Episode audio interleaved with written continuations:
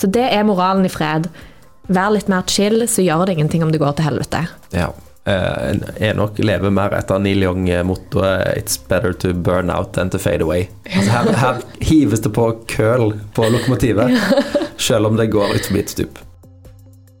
Velkommen til Sølvbergets klassikerpodkast, som i dag befinner seg på hjemlige trakter.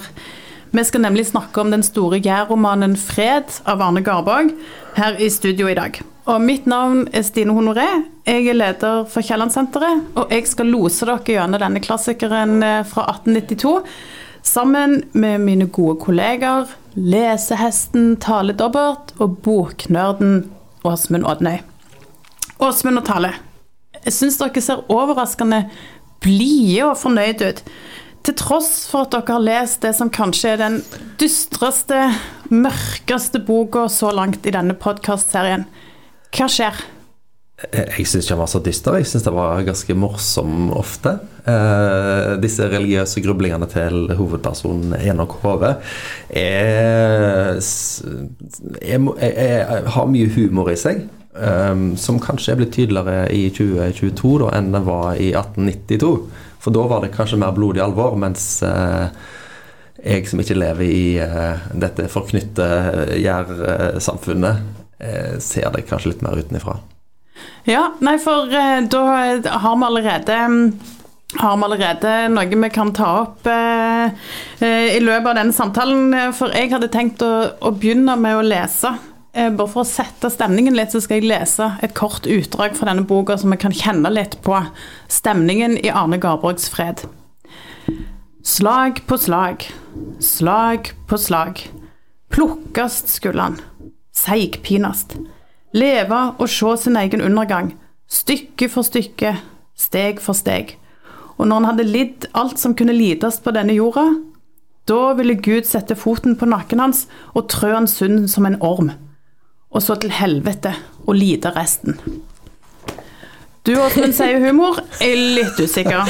Du, hadde dette vært i dag, så, så hadde en sagt 'chill er nok'. Men han mangler jo det korrigerende leddet. Eller han eh, tar ikke imot alle forsøkene på korreksjon og innspill som han får i løpet av disse 200 sidene. Så han er på en måte en lost case. Enok Hove, lost case. Ja, han er ja. en lost case, rett og slett. Han er eh, tapt for denne verden. Han er, han er, en fyr som befinner seg i et ekkokammer som han har laget sjøl. Og det er ganske godt gjort at du på 1800-tallet, eh, fri for internett og alle mulige slags undergrunnsfanziner, så klarer han ved hjelp av salmevers og religiøse skrifter og Bibelen, som han leser på sin egen spesielle måte, å bli gal. Og det er på eh, sitt deprimerende vis imponerende gjort. Og han står imot alt som måtte komme av motbevis på at verden er så eh, grusom som han tror.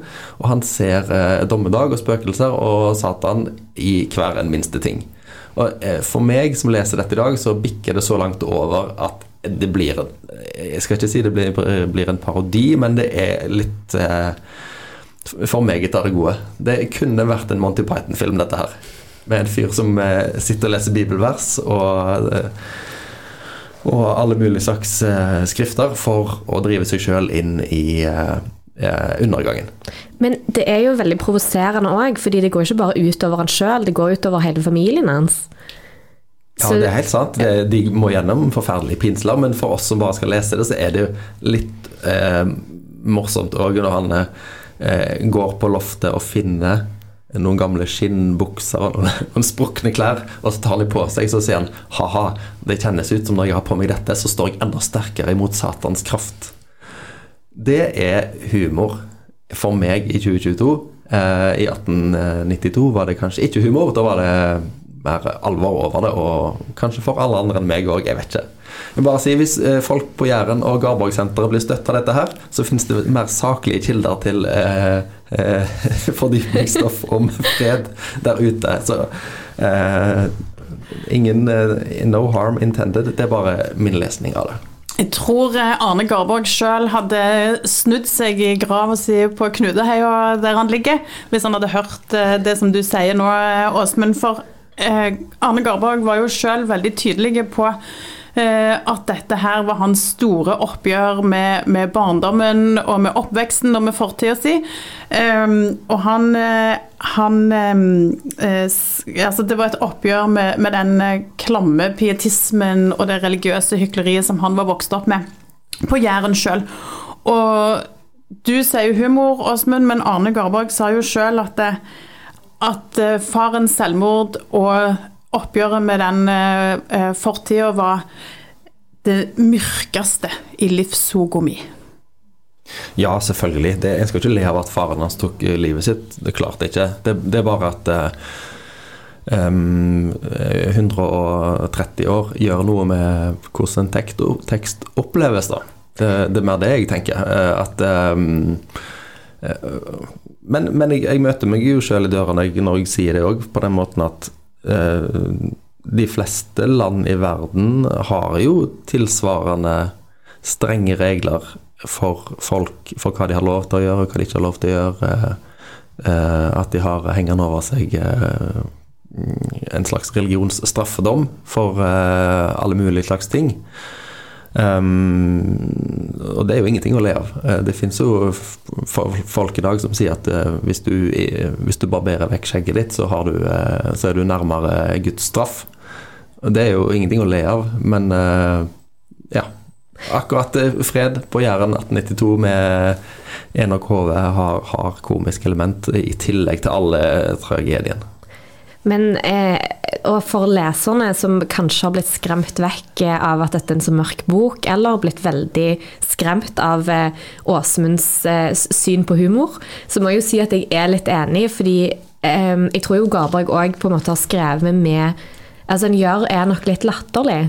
Særlig i første kapittel av boken så går Enok Han er på vei hjem, har vært i byen. Eh, det er høst, det begynner å mørkne, og så bare får du denne tankestrømmen av hvor, hvor fæl er. Det er en voksen mann som er på vei hjem til liksom gård og, eh, kone og mange unger, og så går han der og er mørkeredd. Liksom. Det, er, det, er, noe humoristisk over det. Og jeg må innrømme at jeg jeg, har, jeg har ledd høyt mens jeg har lest denne boken, fordi jeg nok av og, til, av og til blir konfrontert av litt mer nærpå-folk, og det kan være veldig morsomt. Så jeg er veldig enig med deg, Stine, at dette er en, en mørk og sår uh, bok. Men eh, den har òg mange humoristiske passasjer, da. Ja, for jeg tenker eh, Jeg tenker òg at det er humor i denne boka, altså. Og, og eh, eh det som er Eh, nå har vi jo ikke satt eh, boka helt i, i, kontekst, i tid og rom, eh, men, men vi er jo på 1800-tallet på Jæren. og det er en sånn pietistisk vekkelsesbølge som, som rir sikkert hele Vestlandet og store deler av Norge på den tida. Og så syns jo jeg at Eh, rett etter det i starten som du taler snakker om, der han er så redd, så er det jo et bryllup. Uh, og der òg er det jo ganske morsomt, for der, der har du på en måte gamle, den gamle bondekulturen, der det var mye fest og mye moro og eh, dans og mye alkohol, som blir satt opp mot denne her nye vekkelsesbølgen. Og da er det en sånn gammel bonde som er dypt nede i Eh, ølbrygget sitt, eh, som, som, reiser seg opp, og så sier han eh, Ja, hva sier nå det om denne ungdommen som vokser opp? Pinadø om jeg ville reise meg opp for deg om jeg så satt på ei rullehorv. Ikke kan de danse, ikke kan de drikke, ikke kan de spille kort, og ikke kan de slåss. Kan det bli noe liv i et bryllupslag på den måten? Eh, så det er på en måte alltid greit å skylde på ungdommen, eh, det vet vi jo. Eh, men da er det rett og slett de gamle bøndene er litt sånn oppgitt over ungdommen som som har blitt så strengt religiøse og lever et sånn strengt liv. Ja. Det beste sitatet i Fred syns jeg kom i det bryllupet. Da Enok, vår mann, er jo til stede motvillig han, han, tror jo dette er nok et trappetrinn på vei til fortapelsen og går i dette bryllupet. Han kjenner jo lukten av svovel. Ja, ja, ja. Eh, det er grusomme greier. Og da sitter han der, og for liksom ikke å være, være en helt uh, outcast, som det heter på engelsk, så står det at han drakk når han ble drukken til. det er så bra. Akkurat som du snakker når du blir snakket til, så drikker du tar noen slurk hvis noen ser på deg med et glass, men utenom det så og så syns han det er litt kjekt òg, eh, egentlig. Er, han er så skamfull for at han har det kjekt. Uh, og syns jo litt synd på han, da. At han uh, vil seg sjøl så vondt. At han stritter sånn imot alt som er bra i, i livet sitt. Men jeg tenker, vi må kanskje, vi må kanskje eh, eh, sette, sette, litt sånn eh, Nå har vi snakket veldig lenge om hva vi mener om denne boka, om han er dyster eller om han er humoristisk. Men, men eh, er det en av dere som kan gi et kort handlingsreferat av Fred? Ja, det handler da om Enok Hove, som er en eh, far og bonde på Jæren, som er veldig opptatt av kristendom, og særlig da den straffende Gud og, og helvetesangst. Og han eh, har en enorm kunnskap. Han er veldig kunnskapsrik når det gjelder eh, kristendom, og han kan bibelvers utenat, og han har i tillegg en veldig sånn, frodig fantasi og eh, en, en, evne til å ordlegge seg. Det er et enormt rikt, blomstrende språk i, i undergangsvisjonene hans. Um, det begynner jo da med at Enok som, han snakker om at han må omvende seg. Det, det, kommer ganske tidlig i boka. Og det er på et tidspunkt hvor du tenker allerede at oi, dette var en ganske religiøs fyr. Men han, han ser for seg at han skal bli omvendt. Hva som da skal skje, det vet jeg ikke helt, men han, han ser for seg at han skal bli enda mer inni på en måte eh, Guds eh, hånd. Um, og, og, så er det jo uh, disse folkene han uh, møter. Um, Napoleon Storbrikke som er nabo, og så er det uh, en, en, skolestyrer, og det er noen representanter for, for den nye tid på flere måter som, som dukker opp.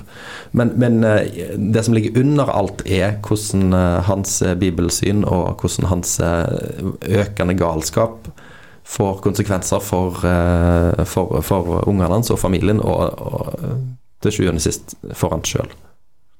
Så det, det, er på en måte Enoks vei inn i den ytterste desperasjon og galskap med et forkvakla kristendomssyn som eh, bensin på bålet.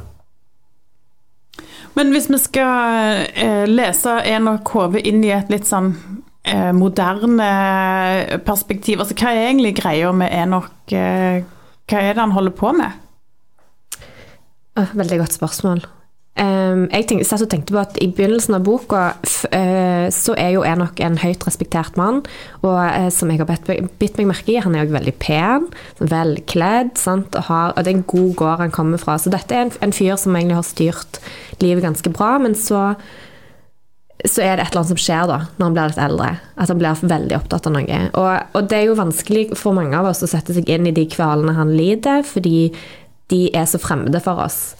Men samtidig så tenker jeg at dette er jo òg en søken etter noe mer i livet.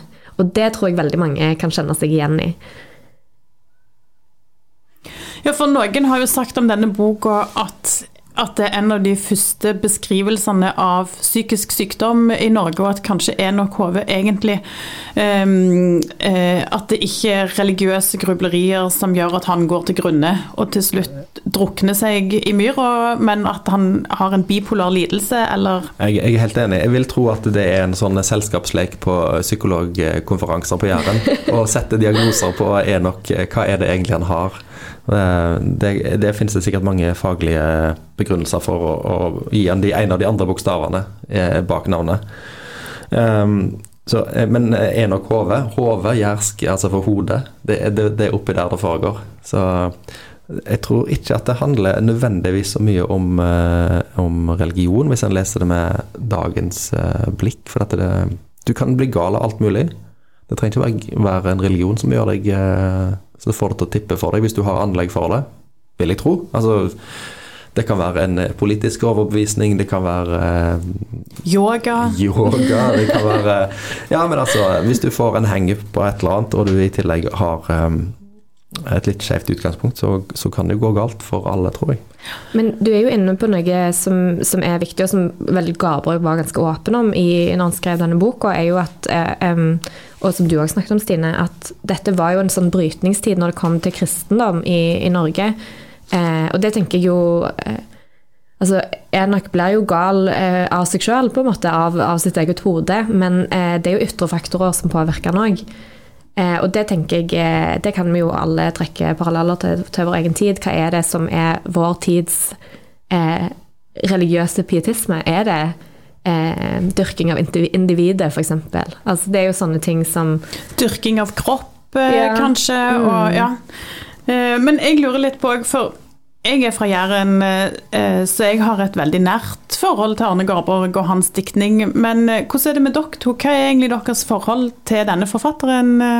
Jeg, jeg har et litt sånn teflonaktig forhold til Garborg. At han alltid har vært en del av pensum på videregående, og når jeg tok nordisk, noen vekttall i det. Men, men det er akkurat som hver gang jeg har lest Garborg eller kommet i nærheten av det, så har det på en måte unnsluppet meg.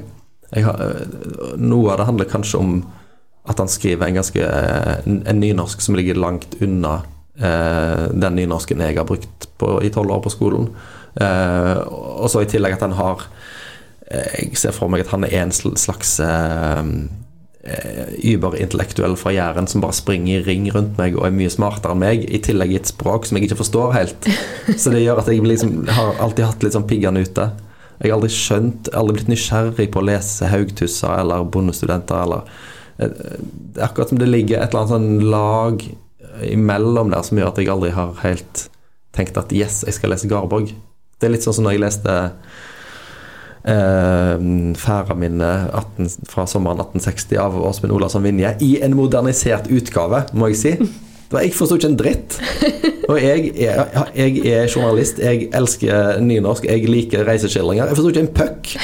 For det var altså et, så, et språk som lå så langt unna det som er et bruksnynorsk for meg i dag.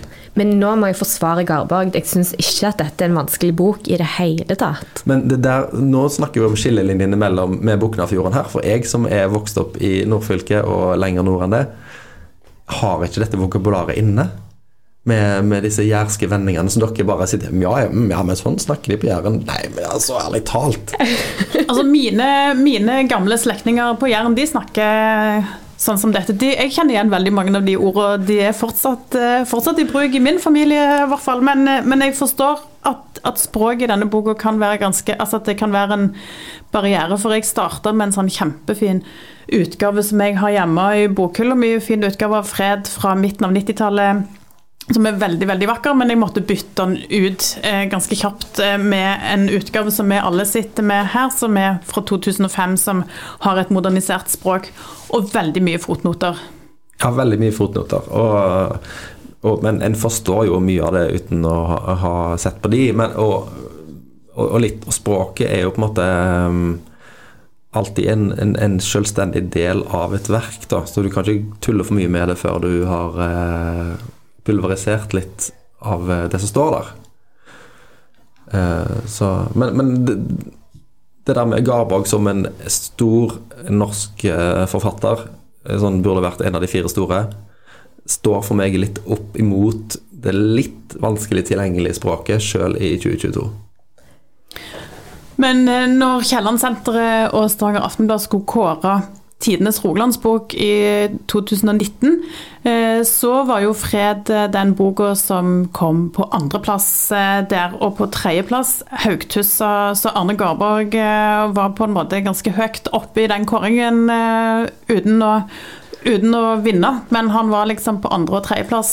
Så det er jo, dette er jo et forfatterskap som i vår region er veldig viktig, og som vi kjenner er, han er jo stor i hele Norge, det er jo ingen tvil om det. Men jeg hadde bare ønsket at de kunne gitt ut en sånn superkommersiell eh, utgave av bøkene hans. Bare sånn La nå Are Kalvø oversette Arne Garborg altså til, til dagens nynorsk, og så bare Så har du folk med deg.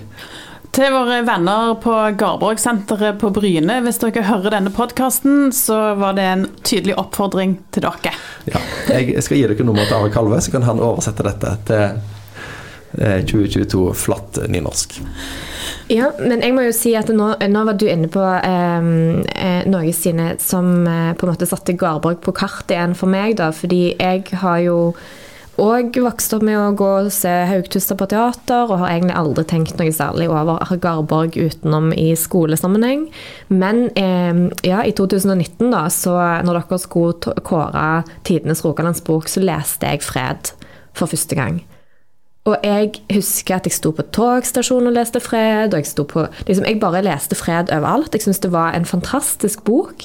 Og jeg var så overraska over hvor tilgjengelig den var, Åsmund. Hvor lett det var å lese den i forhold til hva jeg hadde forestilt meg. Nå kjenner jeg på et sånn nordrogalandsk utenforskap, eh, som eh, ikke er helt lett å bære, men greit nok. Men eh, siden jeg òg har hukommelse som en sil, så var det en glede å lese Fred igjen, for jeg husker jo ingenting av det som skjedde. Men eh, eh, det som jeg lurer litt på, for vi var inne på det tidligere, at at Garborg sjøl var veldig tydelig på at han skrev om sin egen oppvekst, og at dette var hans store oppgjør med, med, familiehistorien og med fortida. Og han hadde jo, eh, som Gunnar, eh, sønnen til Enok Hove, reist, eh, forlatt gården, forlatt familien, forlatt odel, eh, eller reist fra sin plikt som odelsgutt eh, for å reise til Østlandet, der de driver og utdanner seg og er journalister og samfunnskritikere og sånn. Og, og, som Enok Hove òg, så, så tok jo faren til til Arne Garborg livet av seg etter en sånn tung, dyster depresjon der han, eh, som òg var prega av disse her eh, religiøse grubleriene og, og, jakt på fred, da. Eh, himmelsk og jordisk eh, fred. men kan vi på en måte kalle dette en slags virkelighetslitteratur fra 1800-tallet? Eh, for det var veldig mange som reagerte svært negativt på religionskritikken i boka, og på måten eh, Arne Garborg utleverte den tragiske familiehistorien. Og jeg har lest at han omtrent mister kontakten med mora si pga. det som eh, Altså etter at den boka ble gitt ut. Kan vi, kan vi si at Garborg kanskje har mer til felles med Knausgård og Vigdis Hjorth enn, enn det en skulle tro? Ja, absolutt. Og, og jeg tenker at når du nevnte den eh, tilblivelseshistorien til denne romanen, så, så fikk det meg til å tenke på f.eks. Tore Renberg. Både Garborg og Renberg måtte ha noen bøker på seg før de turte å gå inn i eh, det som lå veldig tett på deres egen historie, altså i form av Jarle Kleppe-bøkene og eh, Fred av eh, Garborg. Der det òg er et sånn farsoppgjør, kanskje? Ja, sant. Det er mange paralleller her. Eh, og, og, det er jo helt naturlig at du begynner ikke rett på det. Du trenger litt tid. Eh, eh sammen med Knausgård med Min kamp. Han begynte ikke med den, han begynte med Ut av verden og En tid for alt. Og så kom Min kamp, når han hadde liksom hatt ti år på seg til å eh, kanskje finne formen på det han egentlig ville si. Eller eh, nærme seg det stoffet da, på en eh, måte som, som føltes trygg.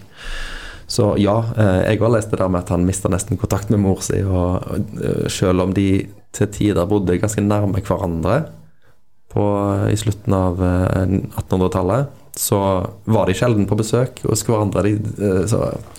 Men jeg kan jo forstå det òg. Ikke bare utlevere en familien og, og, den historien, men selvmord var jo et mye større tabu for 130 år siden enn det er i, i dag. Altså jeg tror ikke vi kan sette oss inn i hvor stor forskjell eh, det var i, i måten å omtale det på, eh, for, på 18, i 1892 i forhold til i 2022. Ja, men òg den religionskritikken han driver med i romanen, selv om han sjøl jo mente altså han, han, tar jo ikke avstand fra kristendommen, men fra visse former av kristendommen. Men mora gifta seg jo på ny med en pietistisk prest, eller noe i den duren, så hun, hun tilhørte nok Altså hun var nok ganske sånn konservativ sjøl, og jeg, jeg, vil tro at den religionskritikken òg var skambelagt for familien til Garborg, da. Eller iallfall for mora. Helt sikkert. Uh, mm. Men, uh, men Tale, uh, hvis, vi, hvis, vi, snur litt på denne fortellingen, som jo er en familiehistorie altså, hvordan, ville, ville, denne historien vært fortalt fra mora sitt perspektiv, fortalt fra, fra Annas perspektiv? Ja, Mora da i romanen, ja, vel å merke. Anna er jo kona til Enok, da. Og hun er jo en ganske sånn stødig og raus karakter, syns jeg. Som, som, hele veien prøver å liksom eh, normalisere familielivet. Og sånn sett så syns jeg hun eh, Altså, det må være veldig gjenkjennelig for folk som lever med, med psykisk syke i familien. Hvordan hun prøver å holde det hjemme sammen, til tross for alt det han driver på med. Eller folk som lever tett på en person som har store problemer. Enten Ja. du er gift med en narkoman eller en alkoholiker, eller er far eller datter til en, et barn som har en, eh, en lidelse av et slag. Mm. Så, så, så, er, så går en sikkert hvor langt som helst for å bare få det her til å flyte på et eller annet vis. Ja, og så syns jeg at det er så fint at Garborg gir egentlig ganske mye plass i boken til Anna. At vi får hennes tanker og, og hennes eh, tårer i stor grad, men til og med hennes sinne. Og det vet jeg jo du er veldig opptatt av, Stine. Sant? Kvinnelig sinne er ikke noe vi ser veldig mye i gammel litteratur, og det er fremdeles et tabubelagt tema.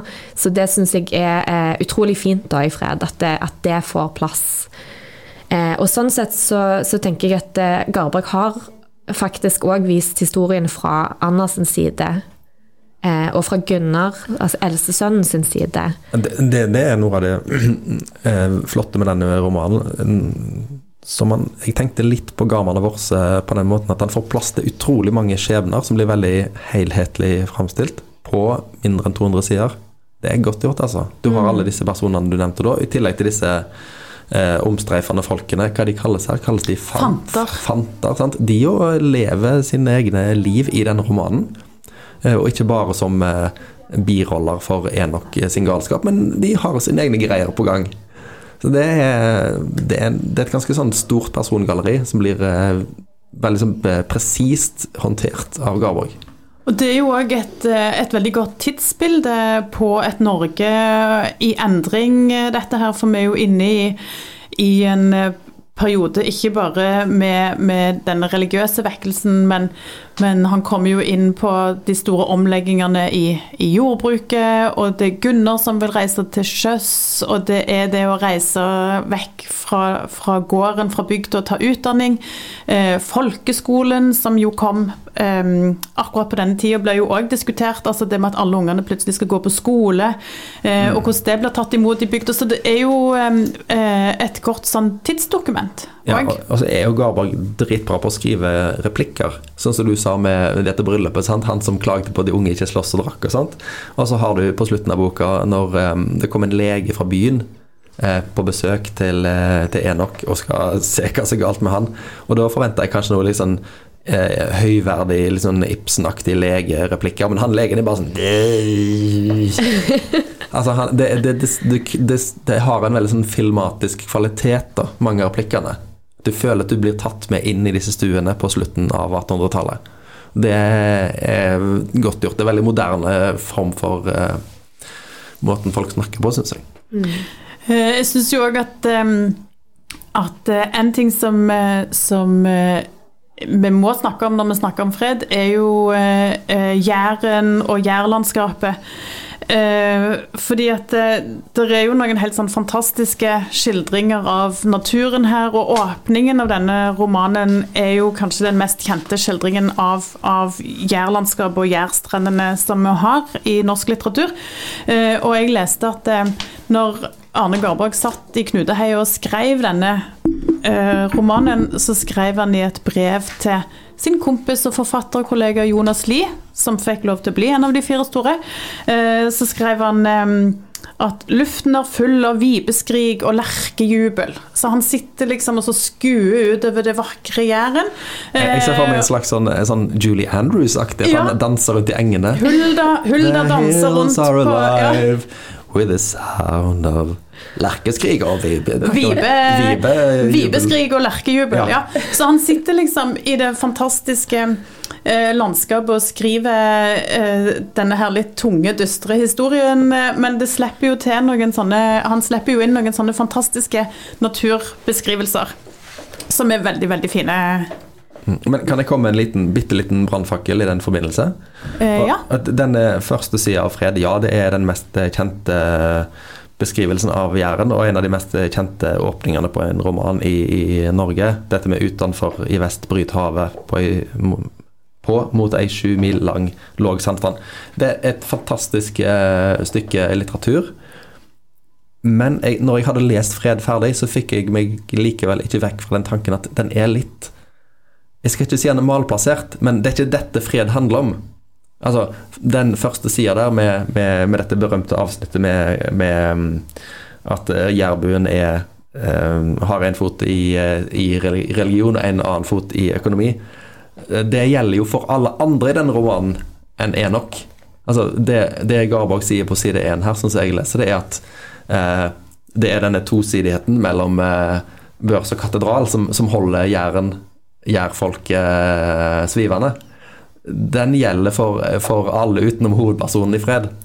Ja, men, eh, men eh, vi, kan jo, altså, vi kan ta det sitatet om jærbuen, for jeg tenker at det, han eh, det som Arne Garborg skrev om jærbuen i denne romanen, er jo noe som på en måte har hefta ved oss eh, jærbuer eh, siden den eh, tid. eh, Som har skapt på en måte den, eh, det bildet av, eh, av folk fra Jæren. Og det han skriver i åpningen på denne boka, det er at det, det er et sterkt, tungt folk som grev seg gjennom livet med grubling og slit, putler med jorda og gransker i skrifta, piner korn av auren og von av drømmene sine, tror på skillingen og trøyster seg til Gud.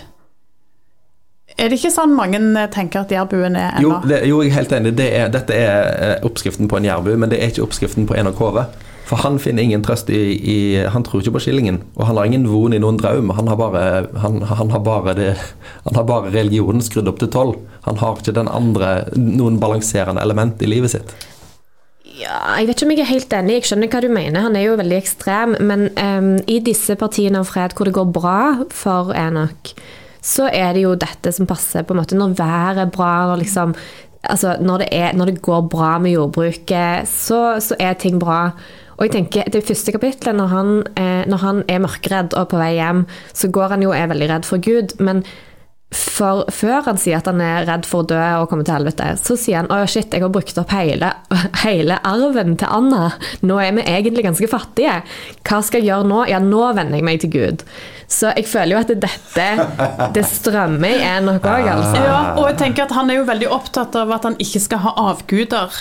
Og, og alle materielle ting og økonomi og det å være opptatt av økonomi og opptatt av eierting, det er jo eh, avgudsdyrkelse. Så, så han Ja. må jo kvitte seg med den jærske eh, tanken ja. om at, eh, at du skal mm, tjene Gud og tjene penger eh, for å bli en sann kristen. Ja, han, han, ja. skal bare, han ser jo på alt utenom den strenge kristendommen som eh, Satans lokkemiddel. Ja, men så gjør han det likevel. Han, bare, han er litt sånn, eh, hva skal man si, litt selektiv med når han velger å være veldig, veldig kristen. Og når han er veldig kristen, så, så er det liksom på hans egne premisser mye av tiden òg.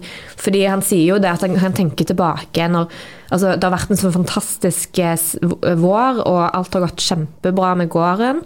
Og så går det ikke så bra lenger. Og da begynner han å, å bli litt stressa, og da venner han seg veldig til Gud igjen. Okay, dette har ikke jeg fått med meg. Du mener at han er egentlig litt økonomisk disponert, men når det går i dass, så blir han plutselig veldig Ja. eh, religiøs? Ja, Det har gått litt under min eh, radar, altså. Men så tar det litt av etter hvert, og han blir jo sykere og sykere. Så, så det ekstreme religionen hans, det, det farger jo mer og mer av hverdagen. Men, men eh, det er et par partier her hvor, hvor det går bra med gården, været er nydelig, og da er han liksom Da er han ganske grei å ha i Da, hus. da grubler han mindre? Ja, og så når han begynner å gruble igjen, så tenker jeg sånn Å nei, jeg, jeg var og eh, pruta på smør, eller og, og jeg Ja. løy om ja, ja. Altså, Så da, da, er han liksom, da begynner han å se tilbake på de gode tidene med veldig kritisk blikk, og da skal han, være liksom superstreng med seg sjøl og alle andre igjen. Ja.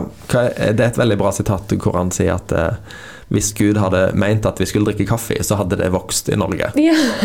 Så eh, mm, Ja. Han han har et, eh, et selektivt syn på alt han leser. Mm. Men jeg har notert meg, Stine, at eh, jærbuen er eh, Jeg tenkte at det var liksom ville, vakre, mørke vesen eh, med, med mye sjelekvaler.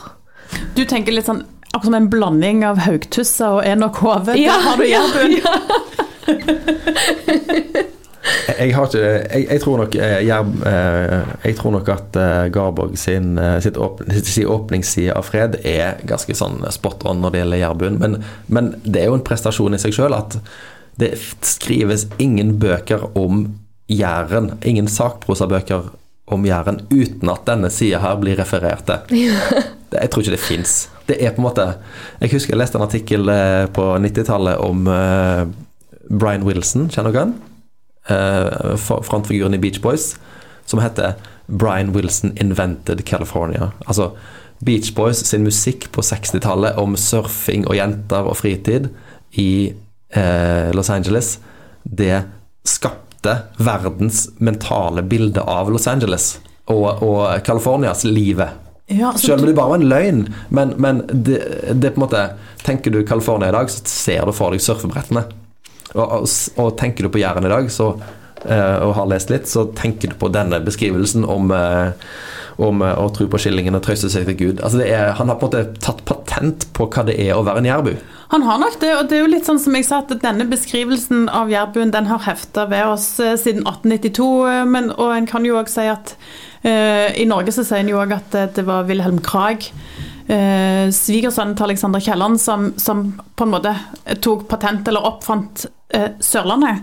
Eh, så hvis, eh, hvis eh, Brian Wilson fant opp eh, California og Garborg fant opp eh, Jæren, da, Ja, det er akkurat det de gjorde. De fant opp rett og slett eh, Eller de, de, de, De lagde, definerte- lagde en spissformulering Ja. av, eh, av nasjonalånden, hvis en kan si det, i, i eh, California og Jæren, som har bare festa seg for den er så bra.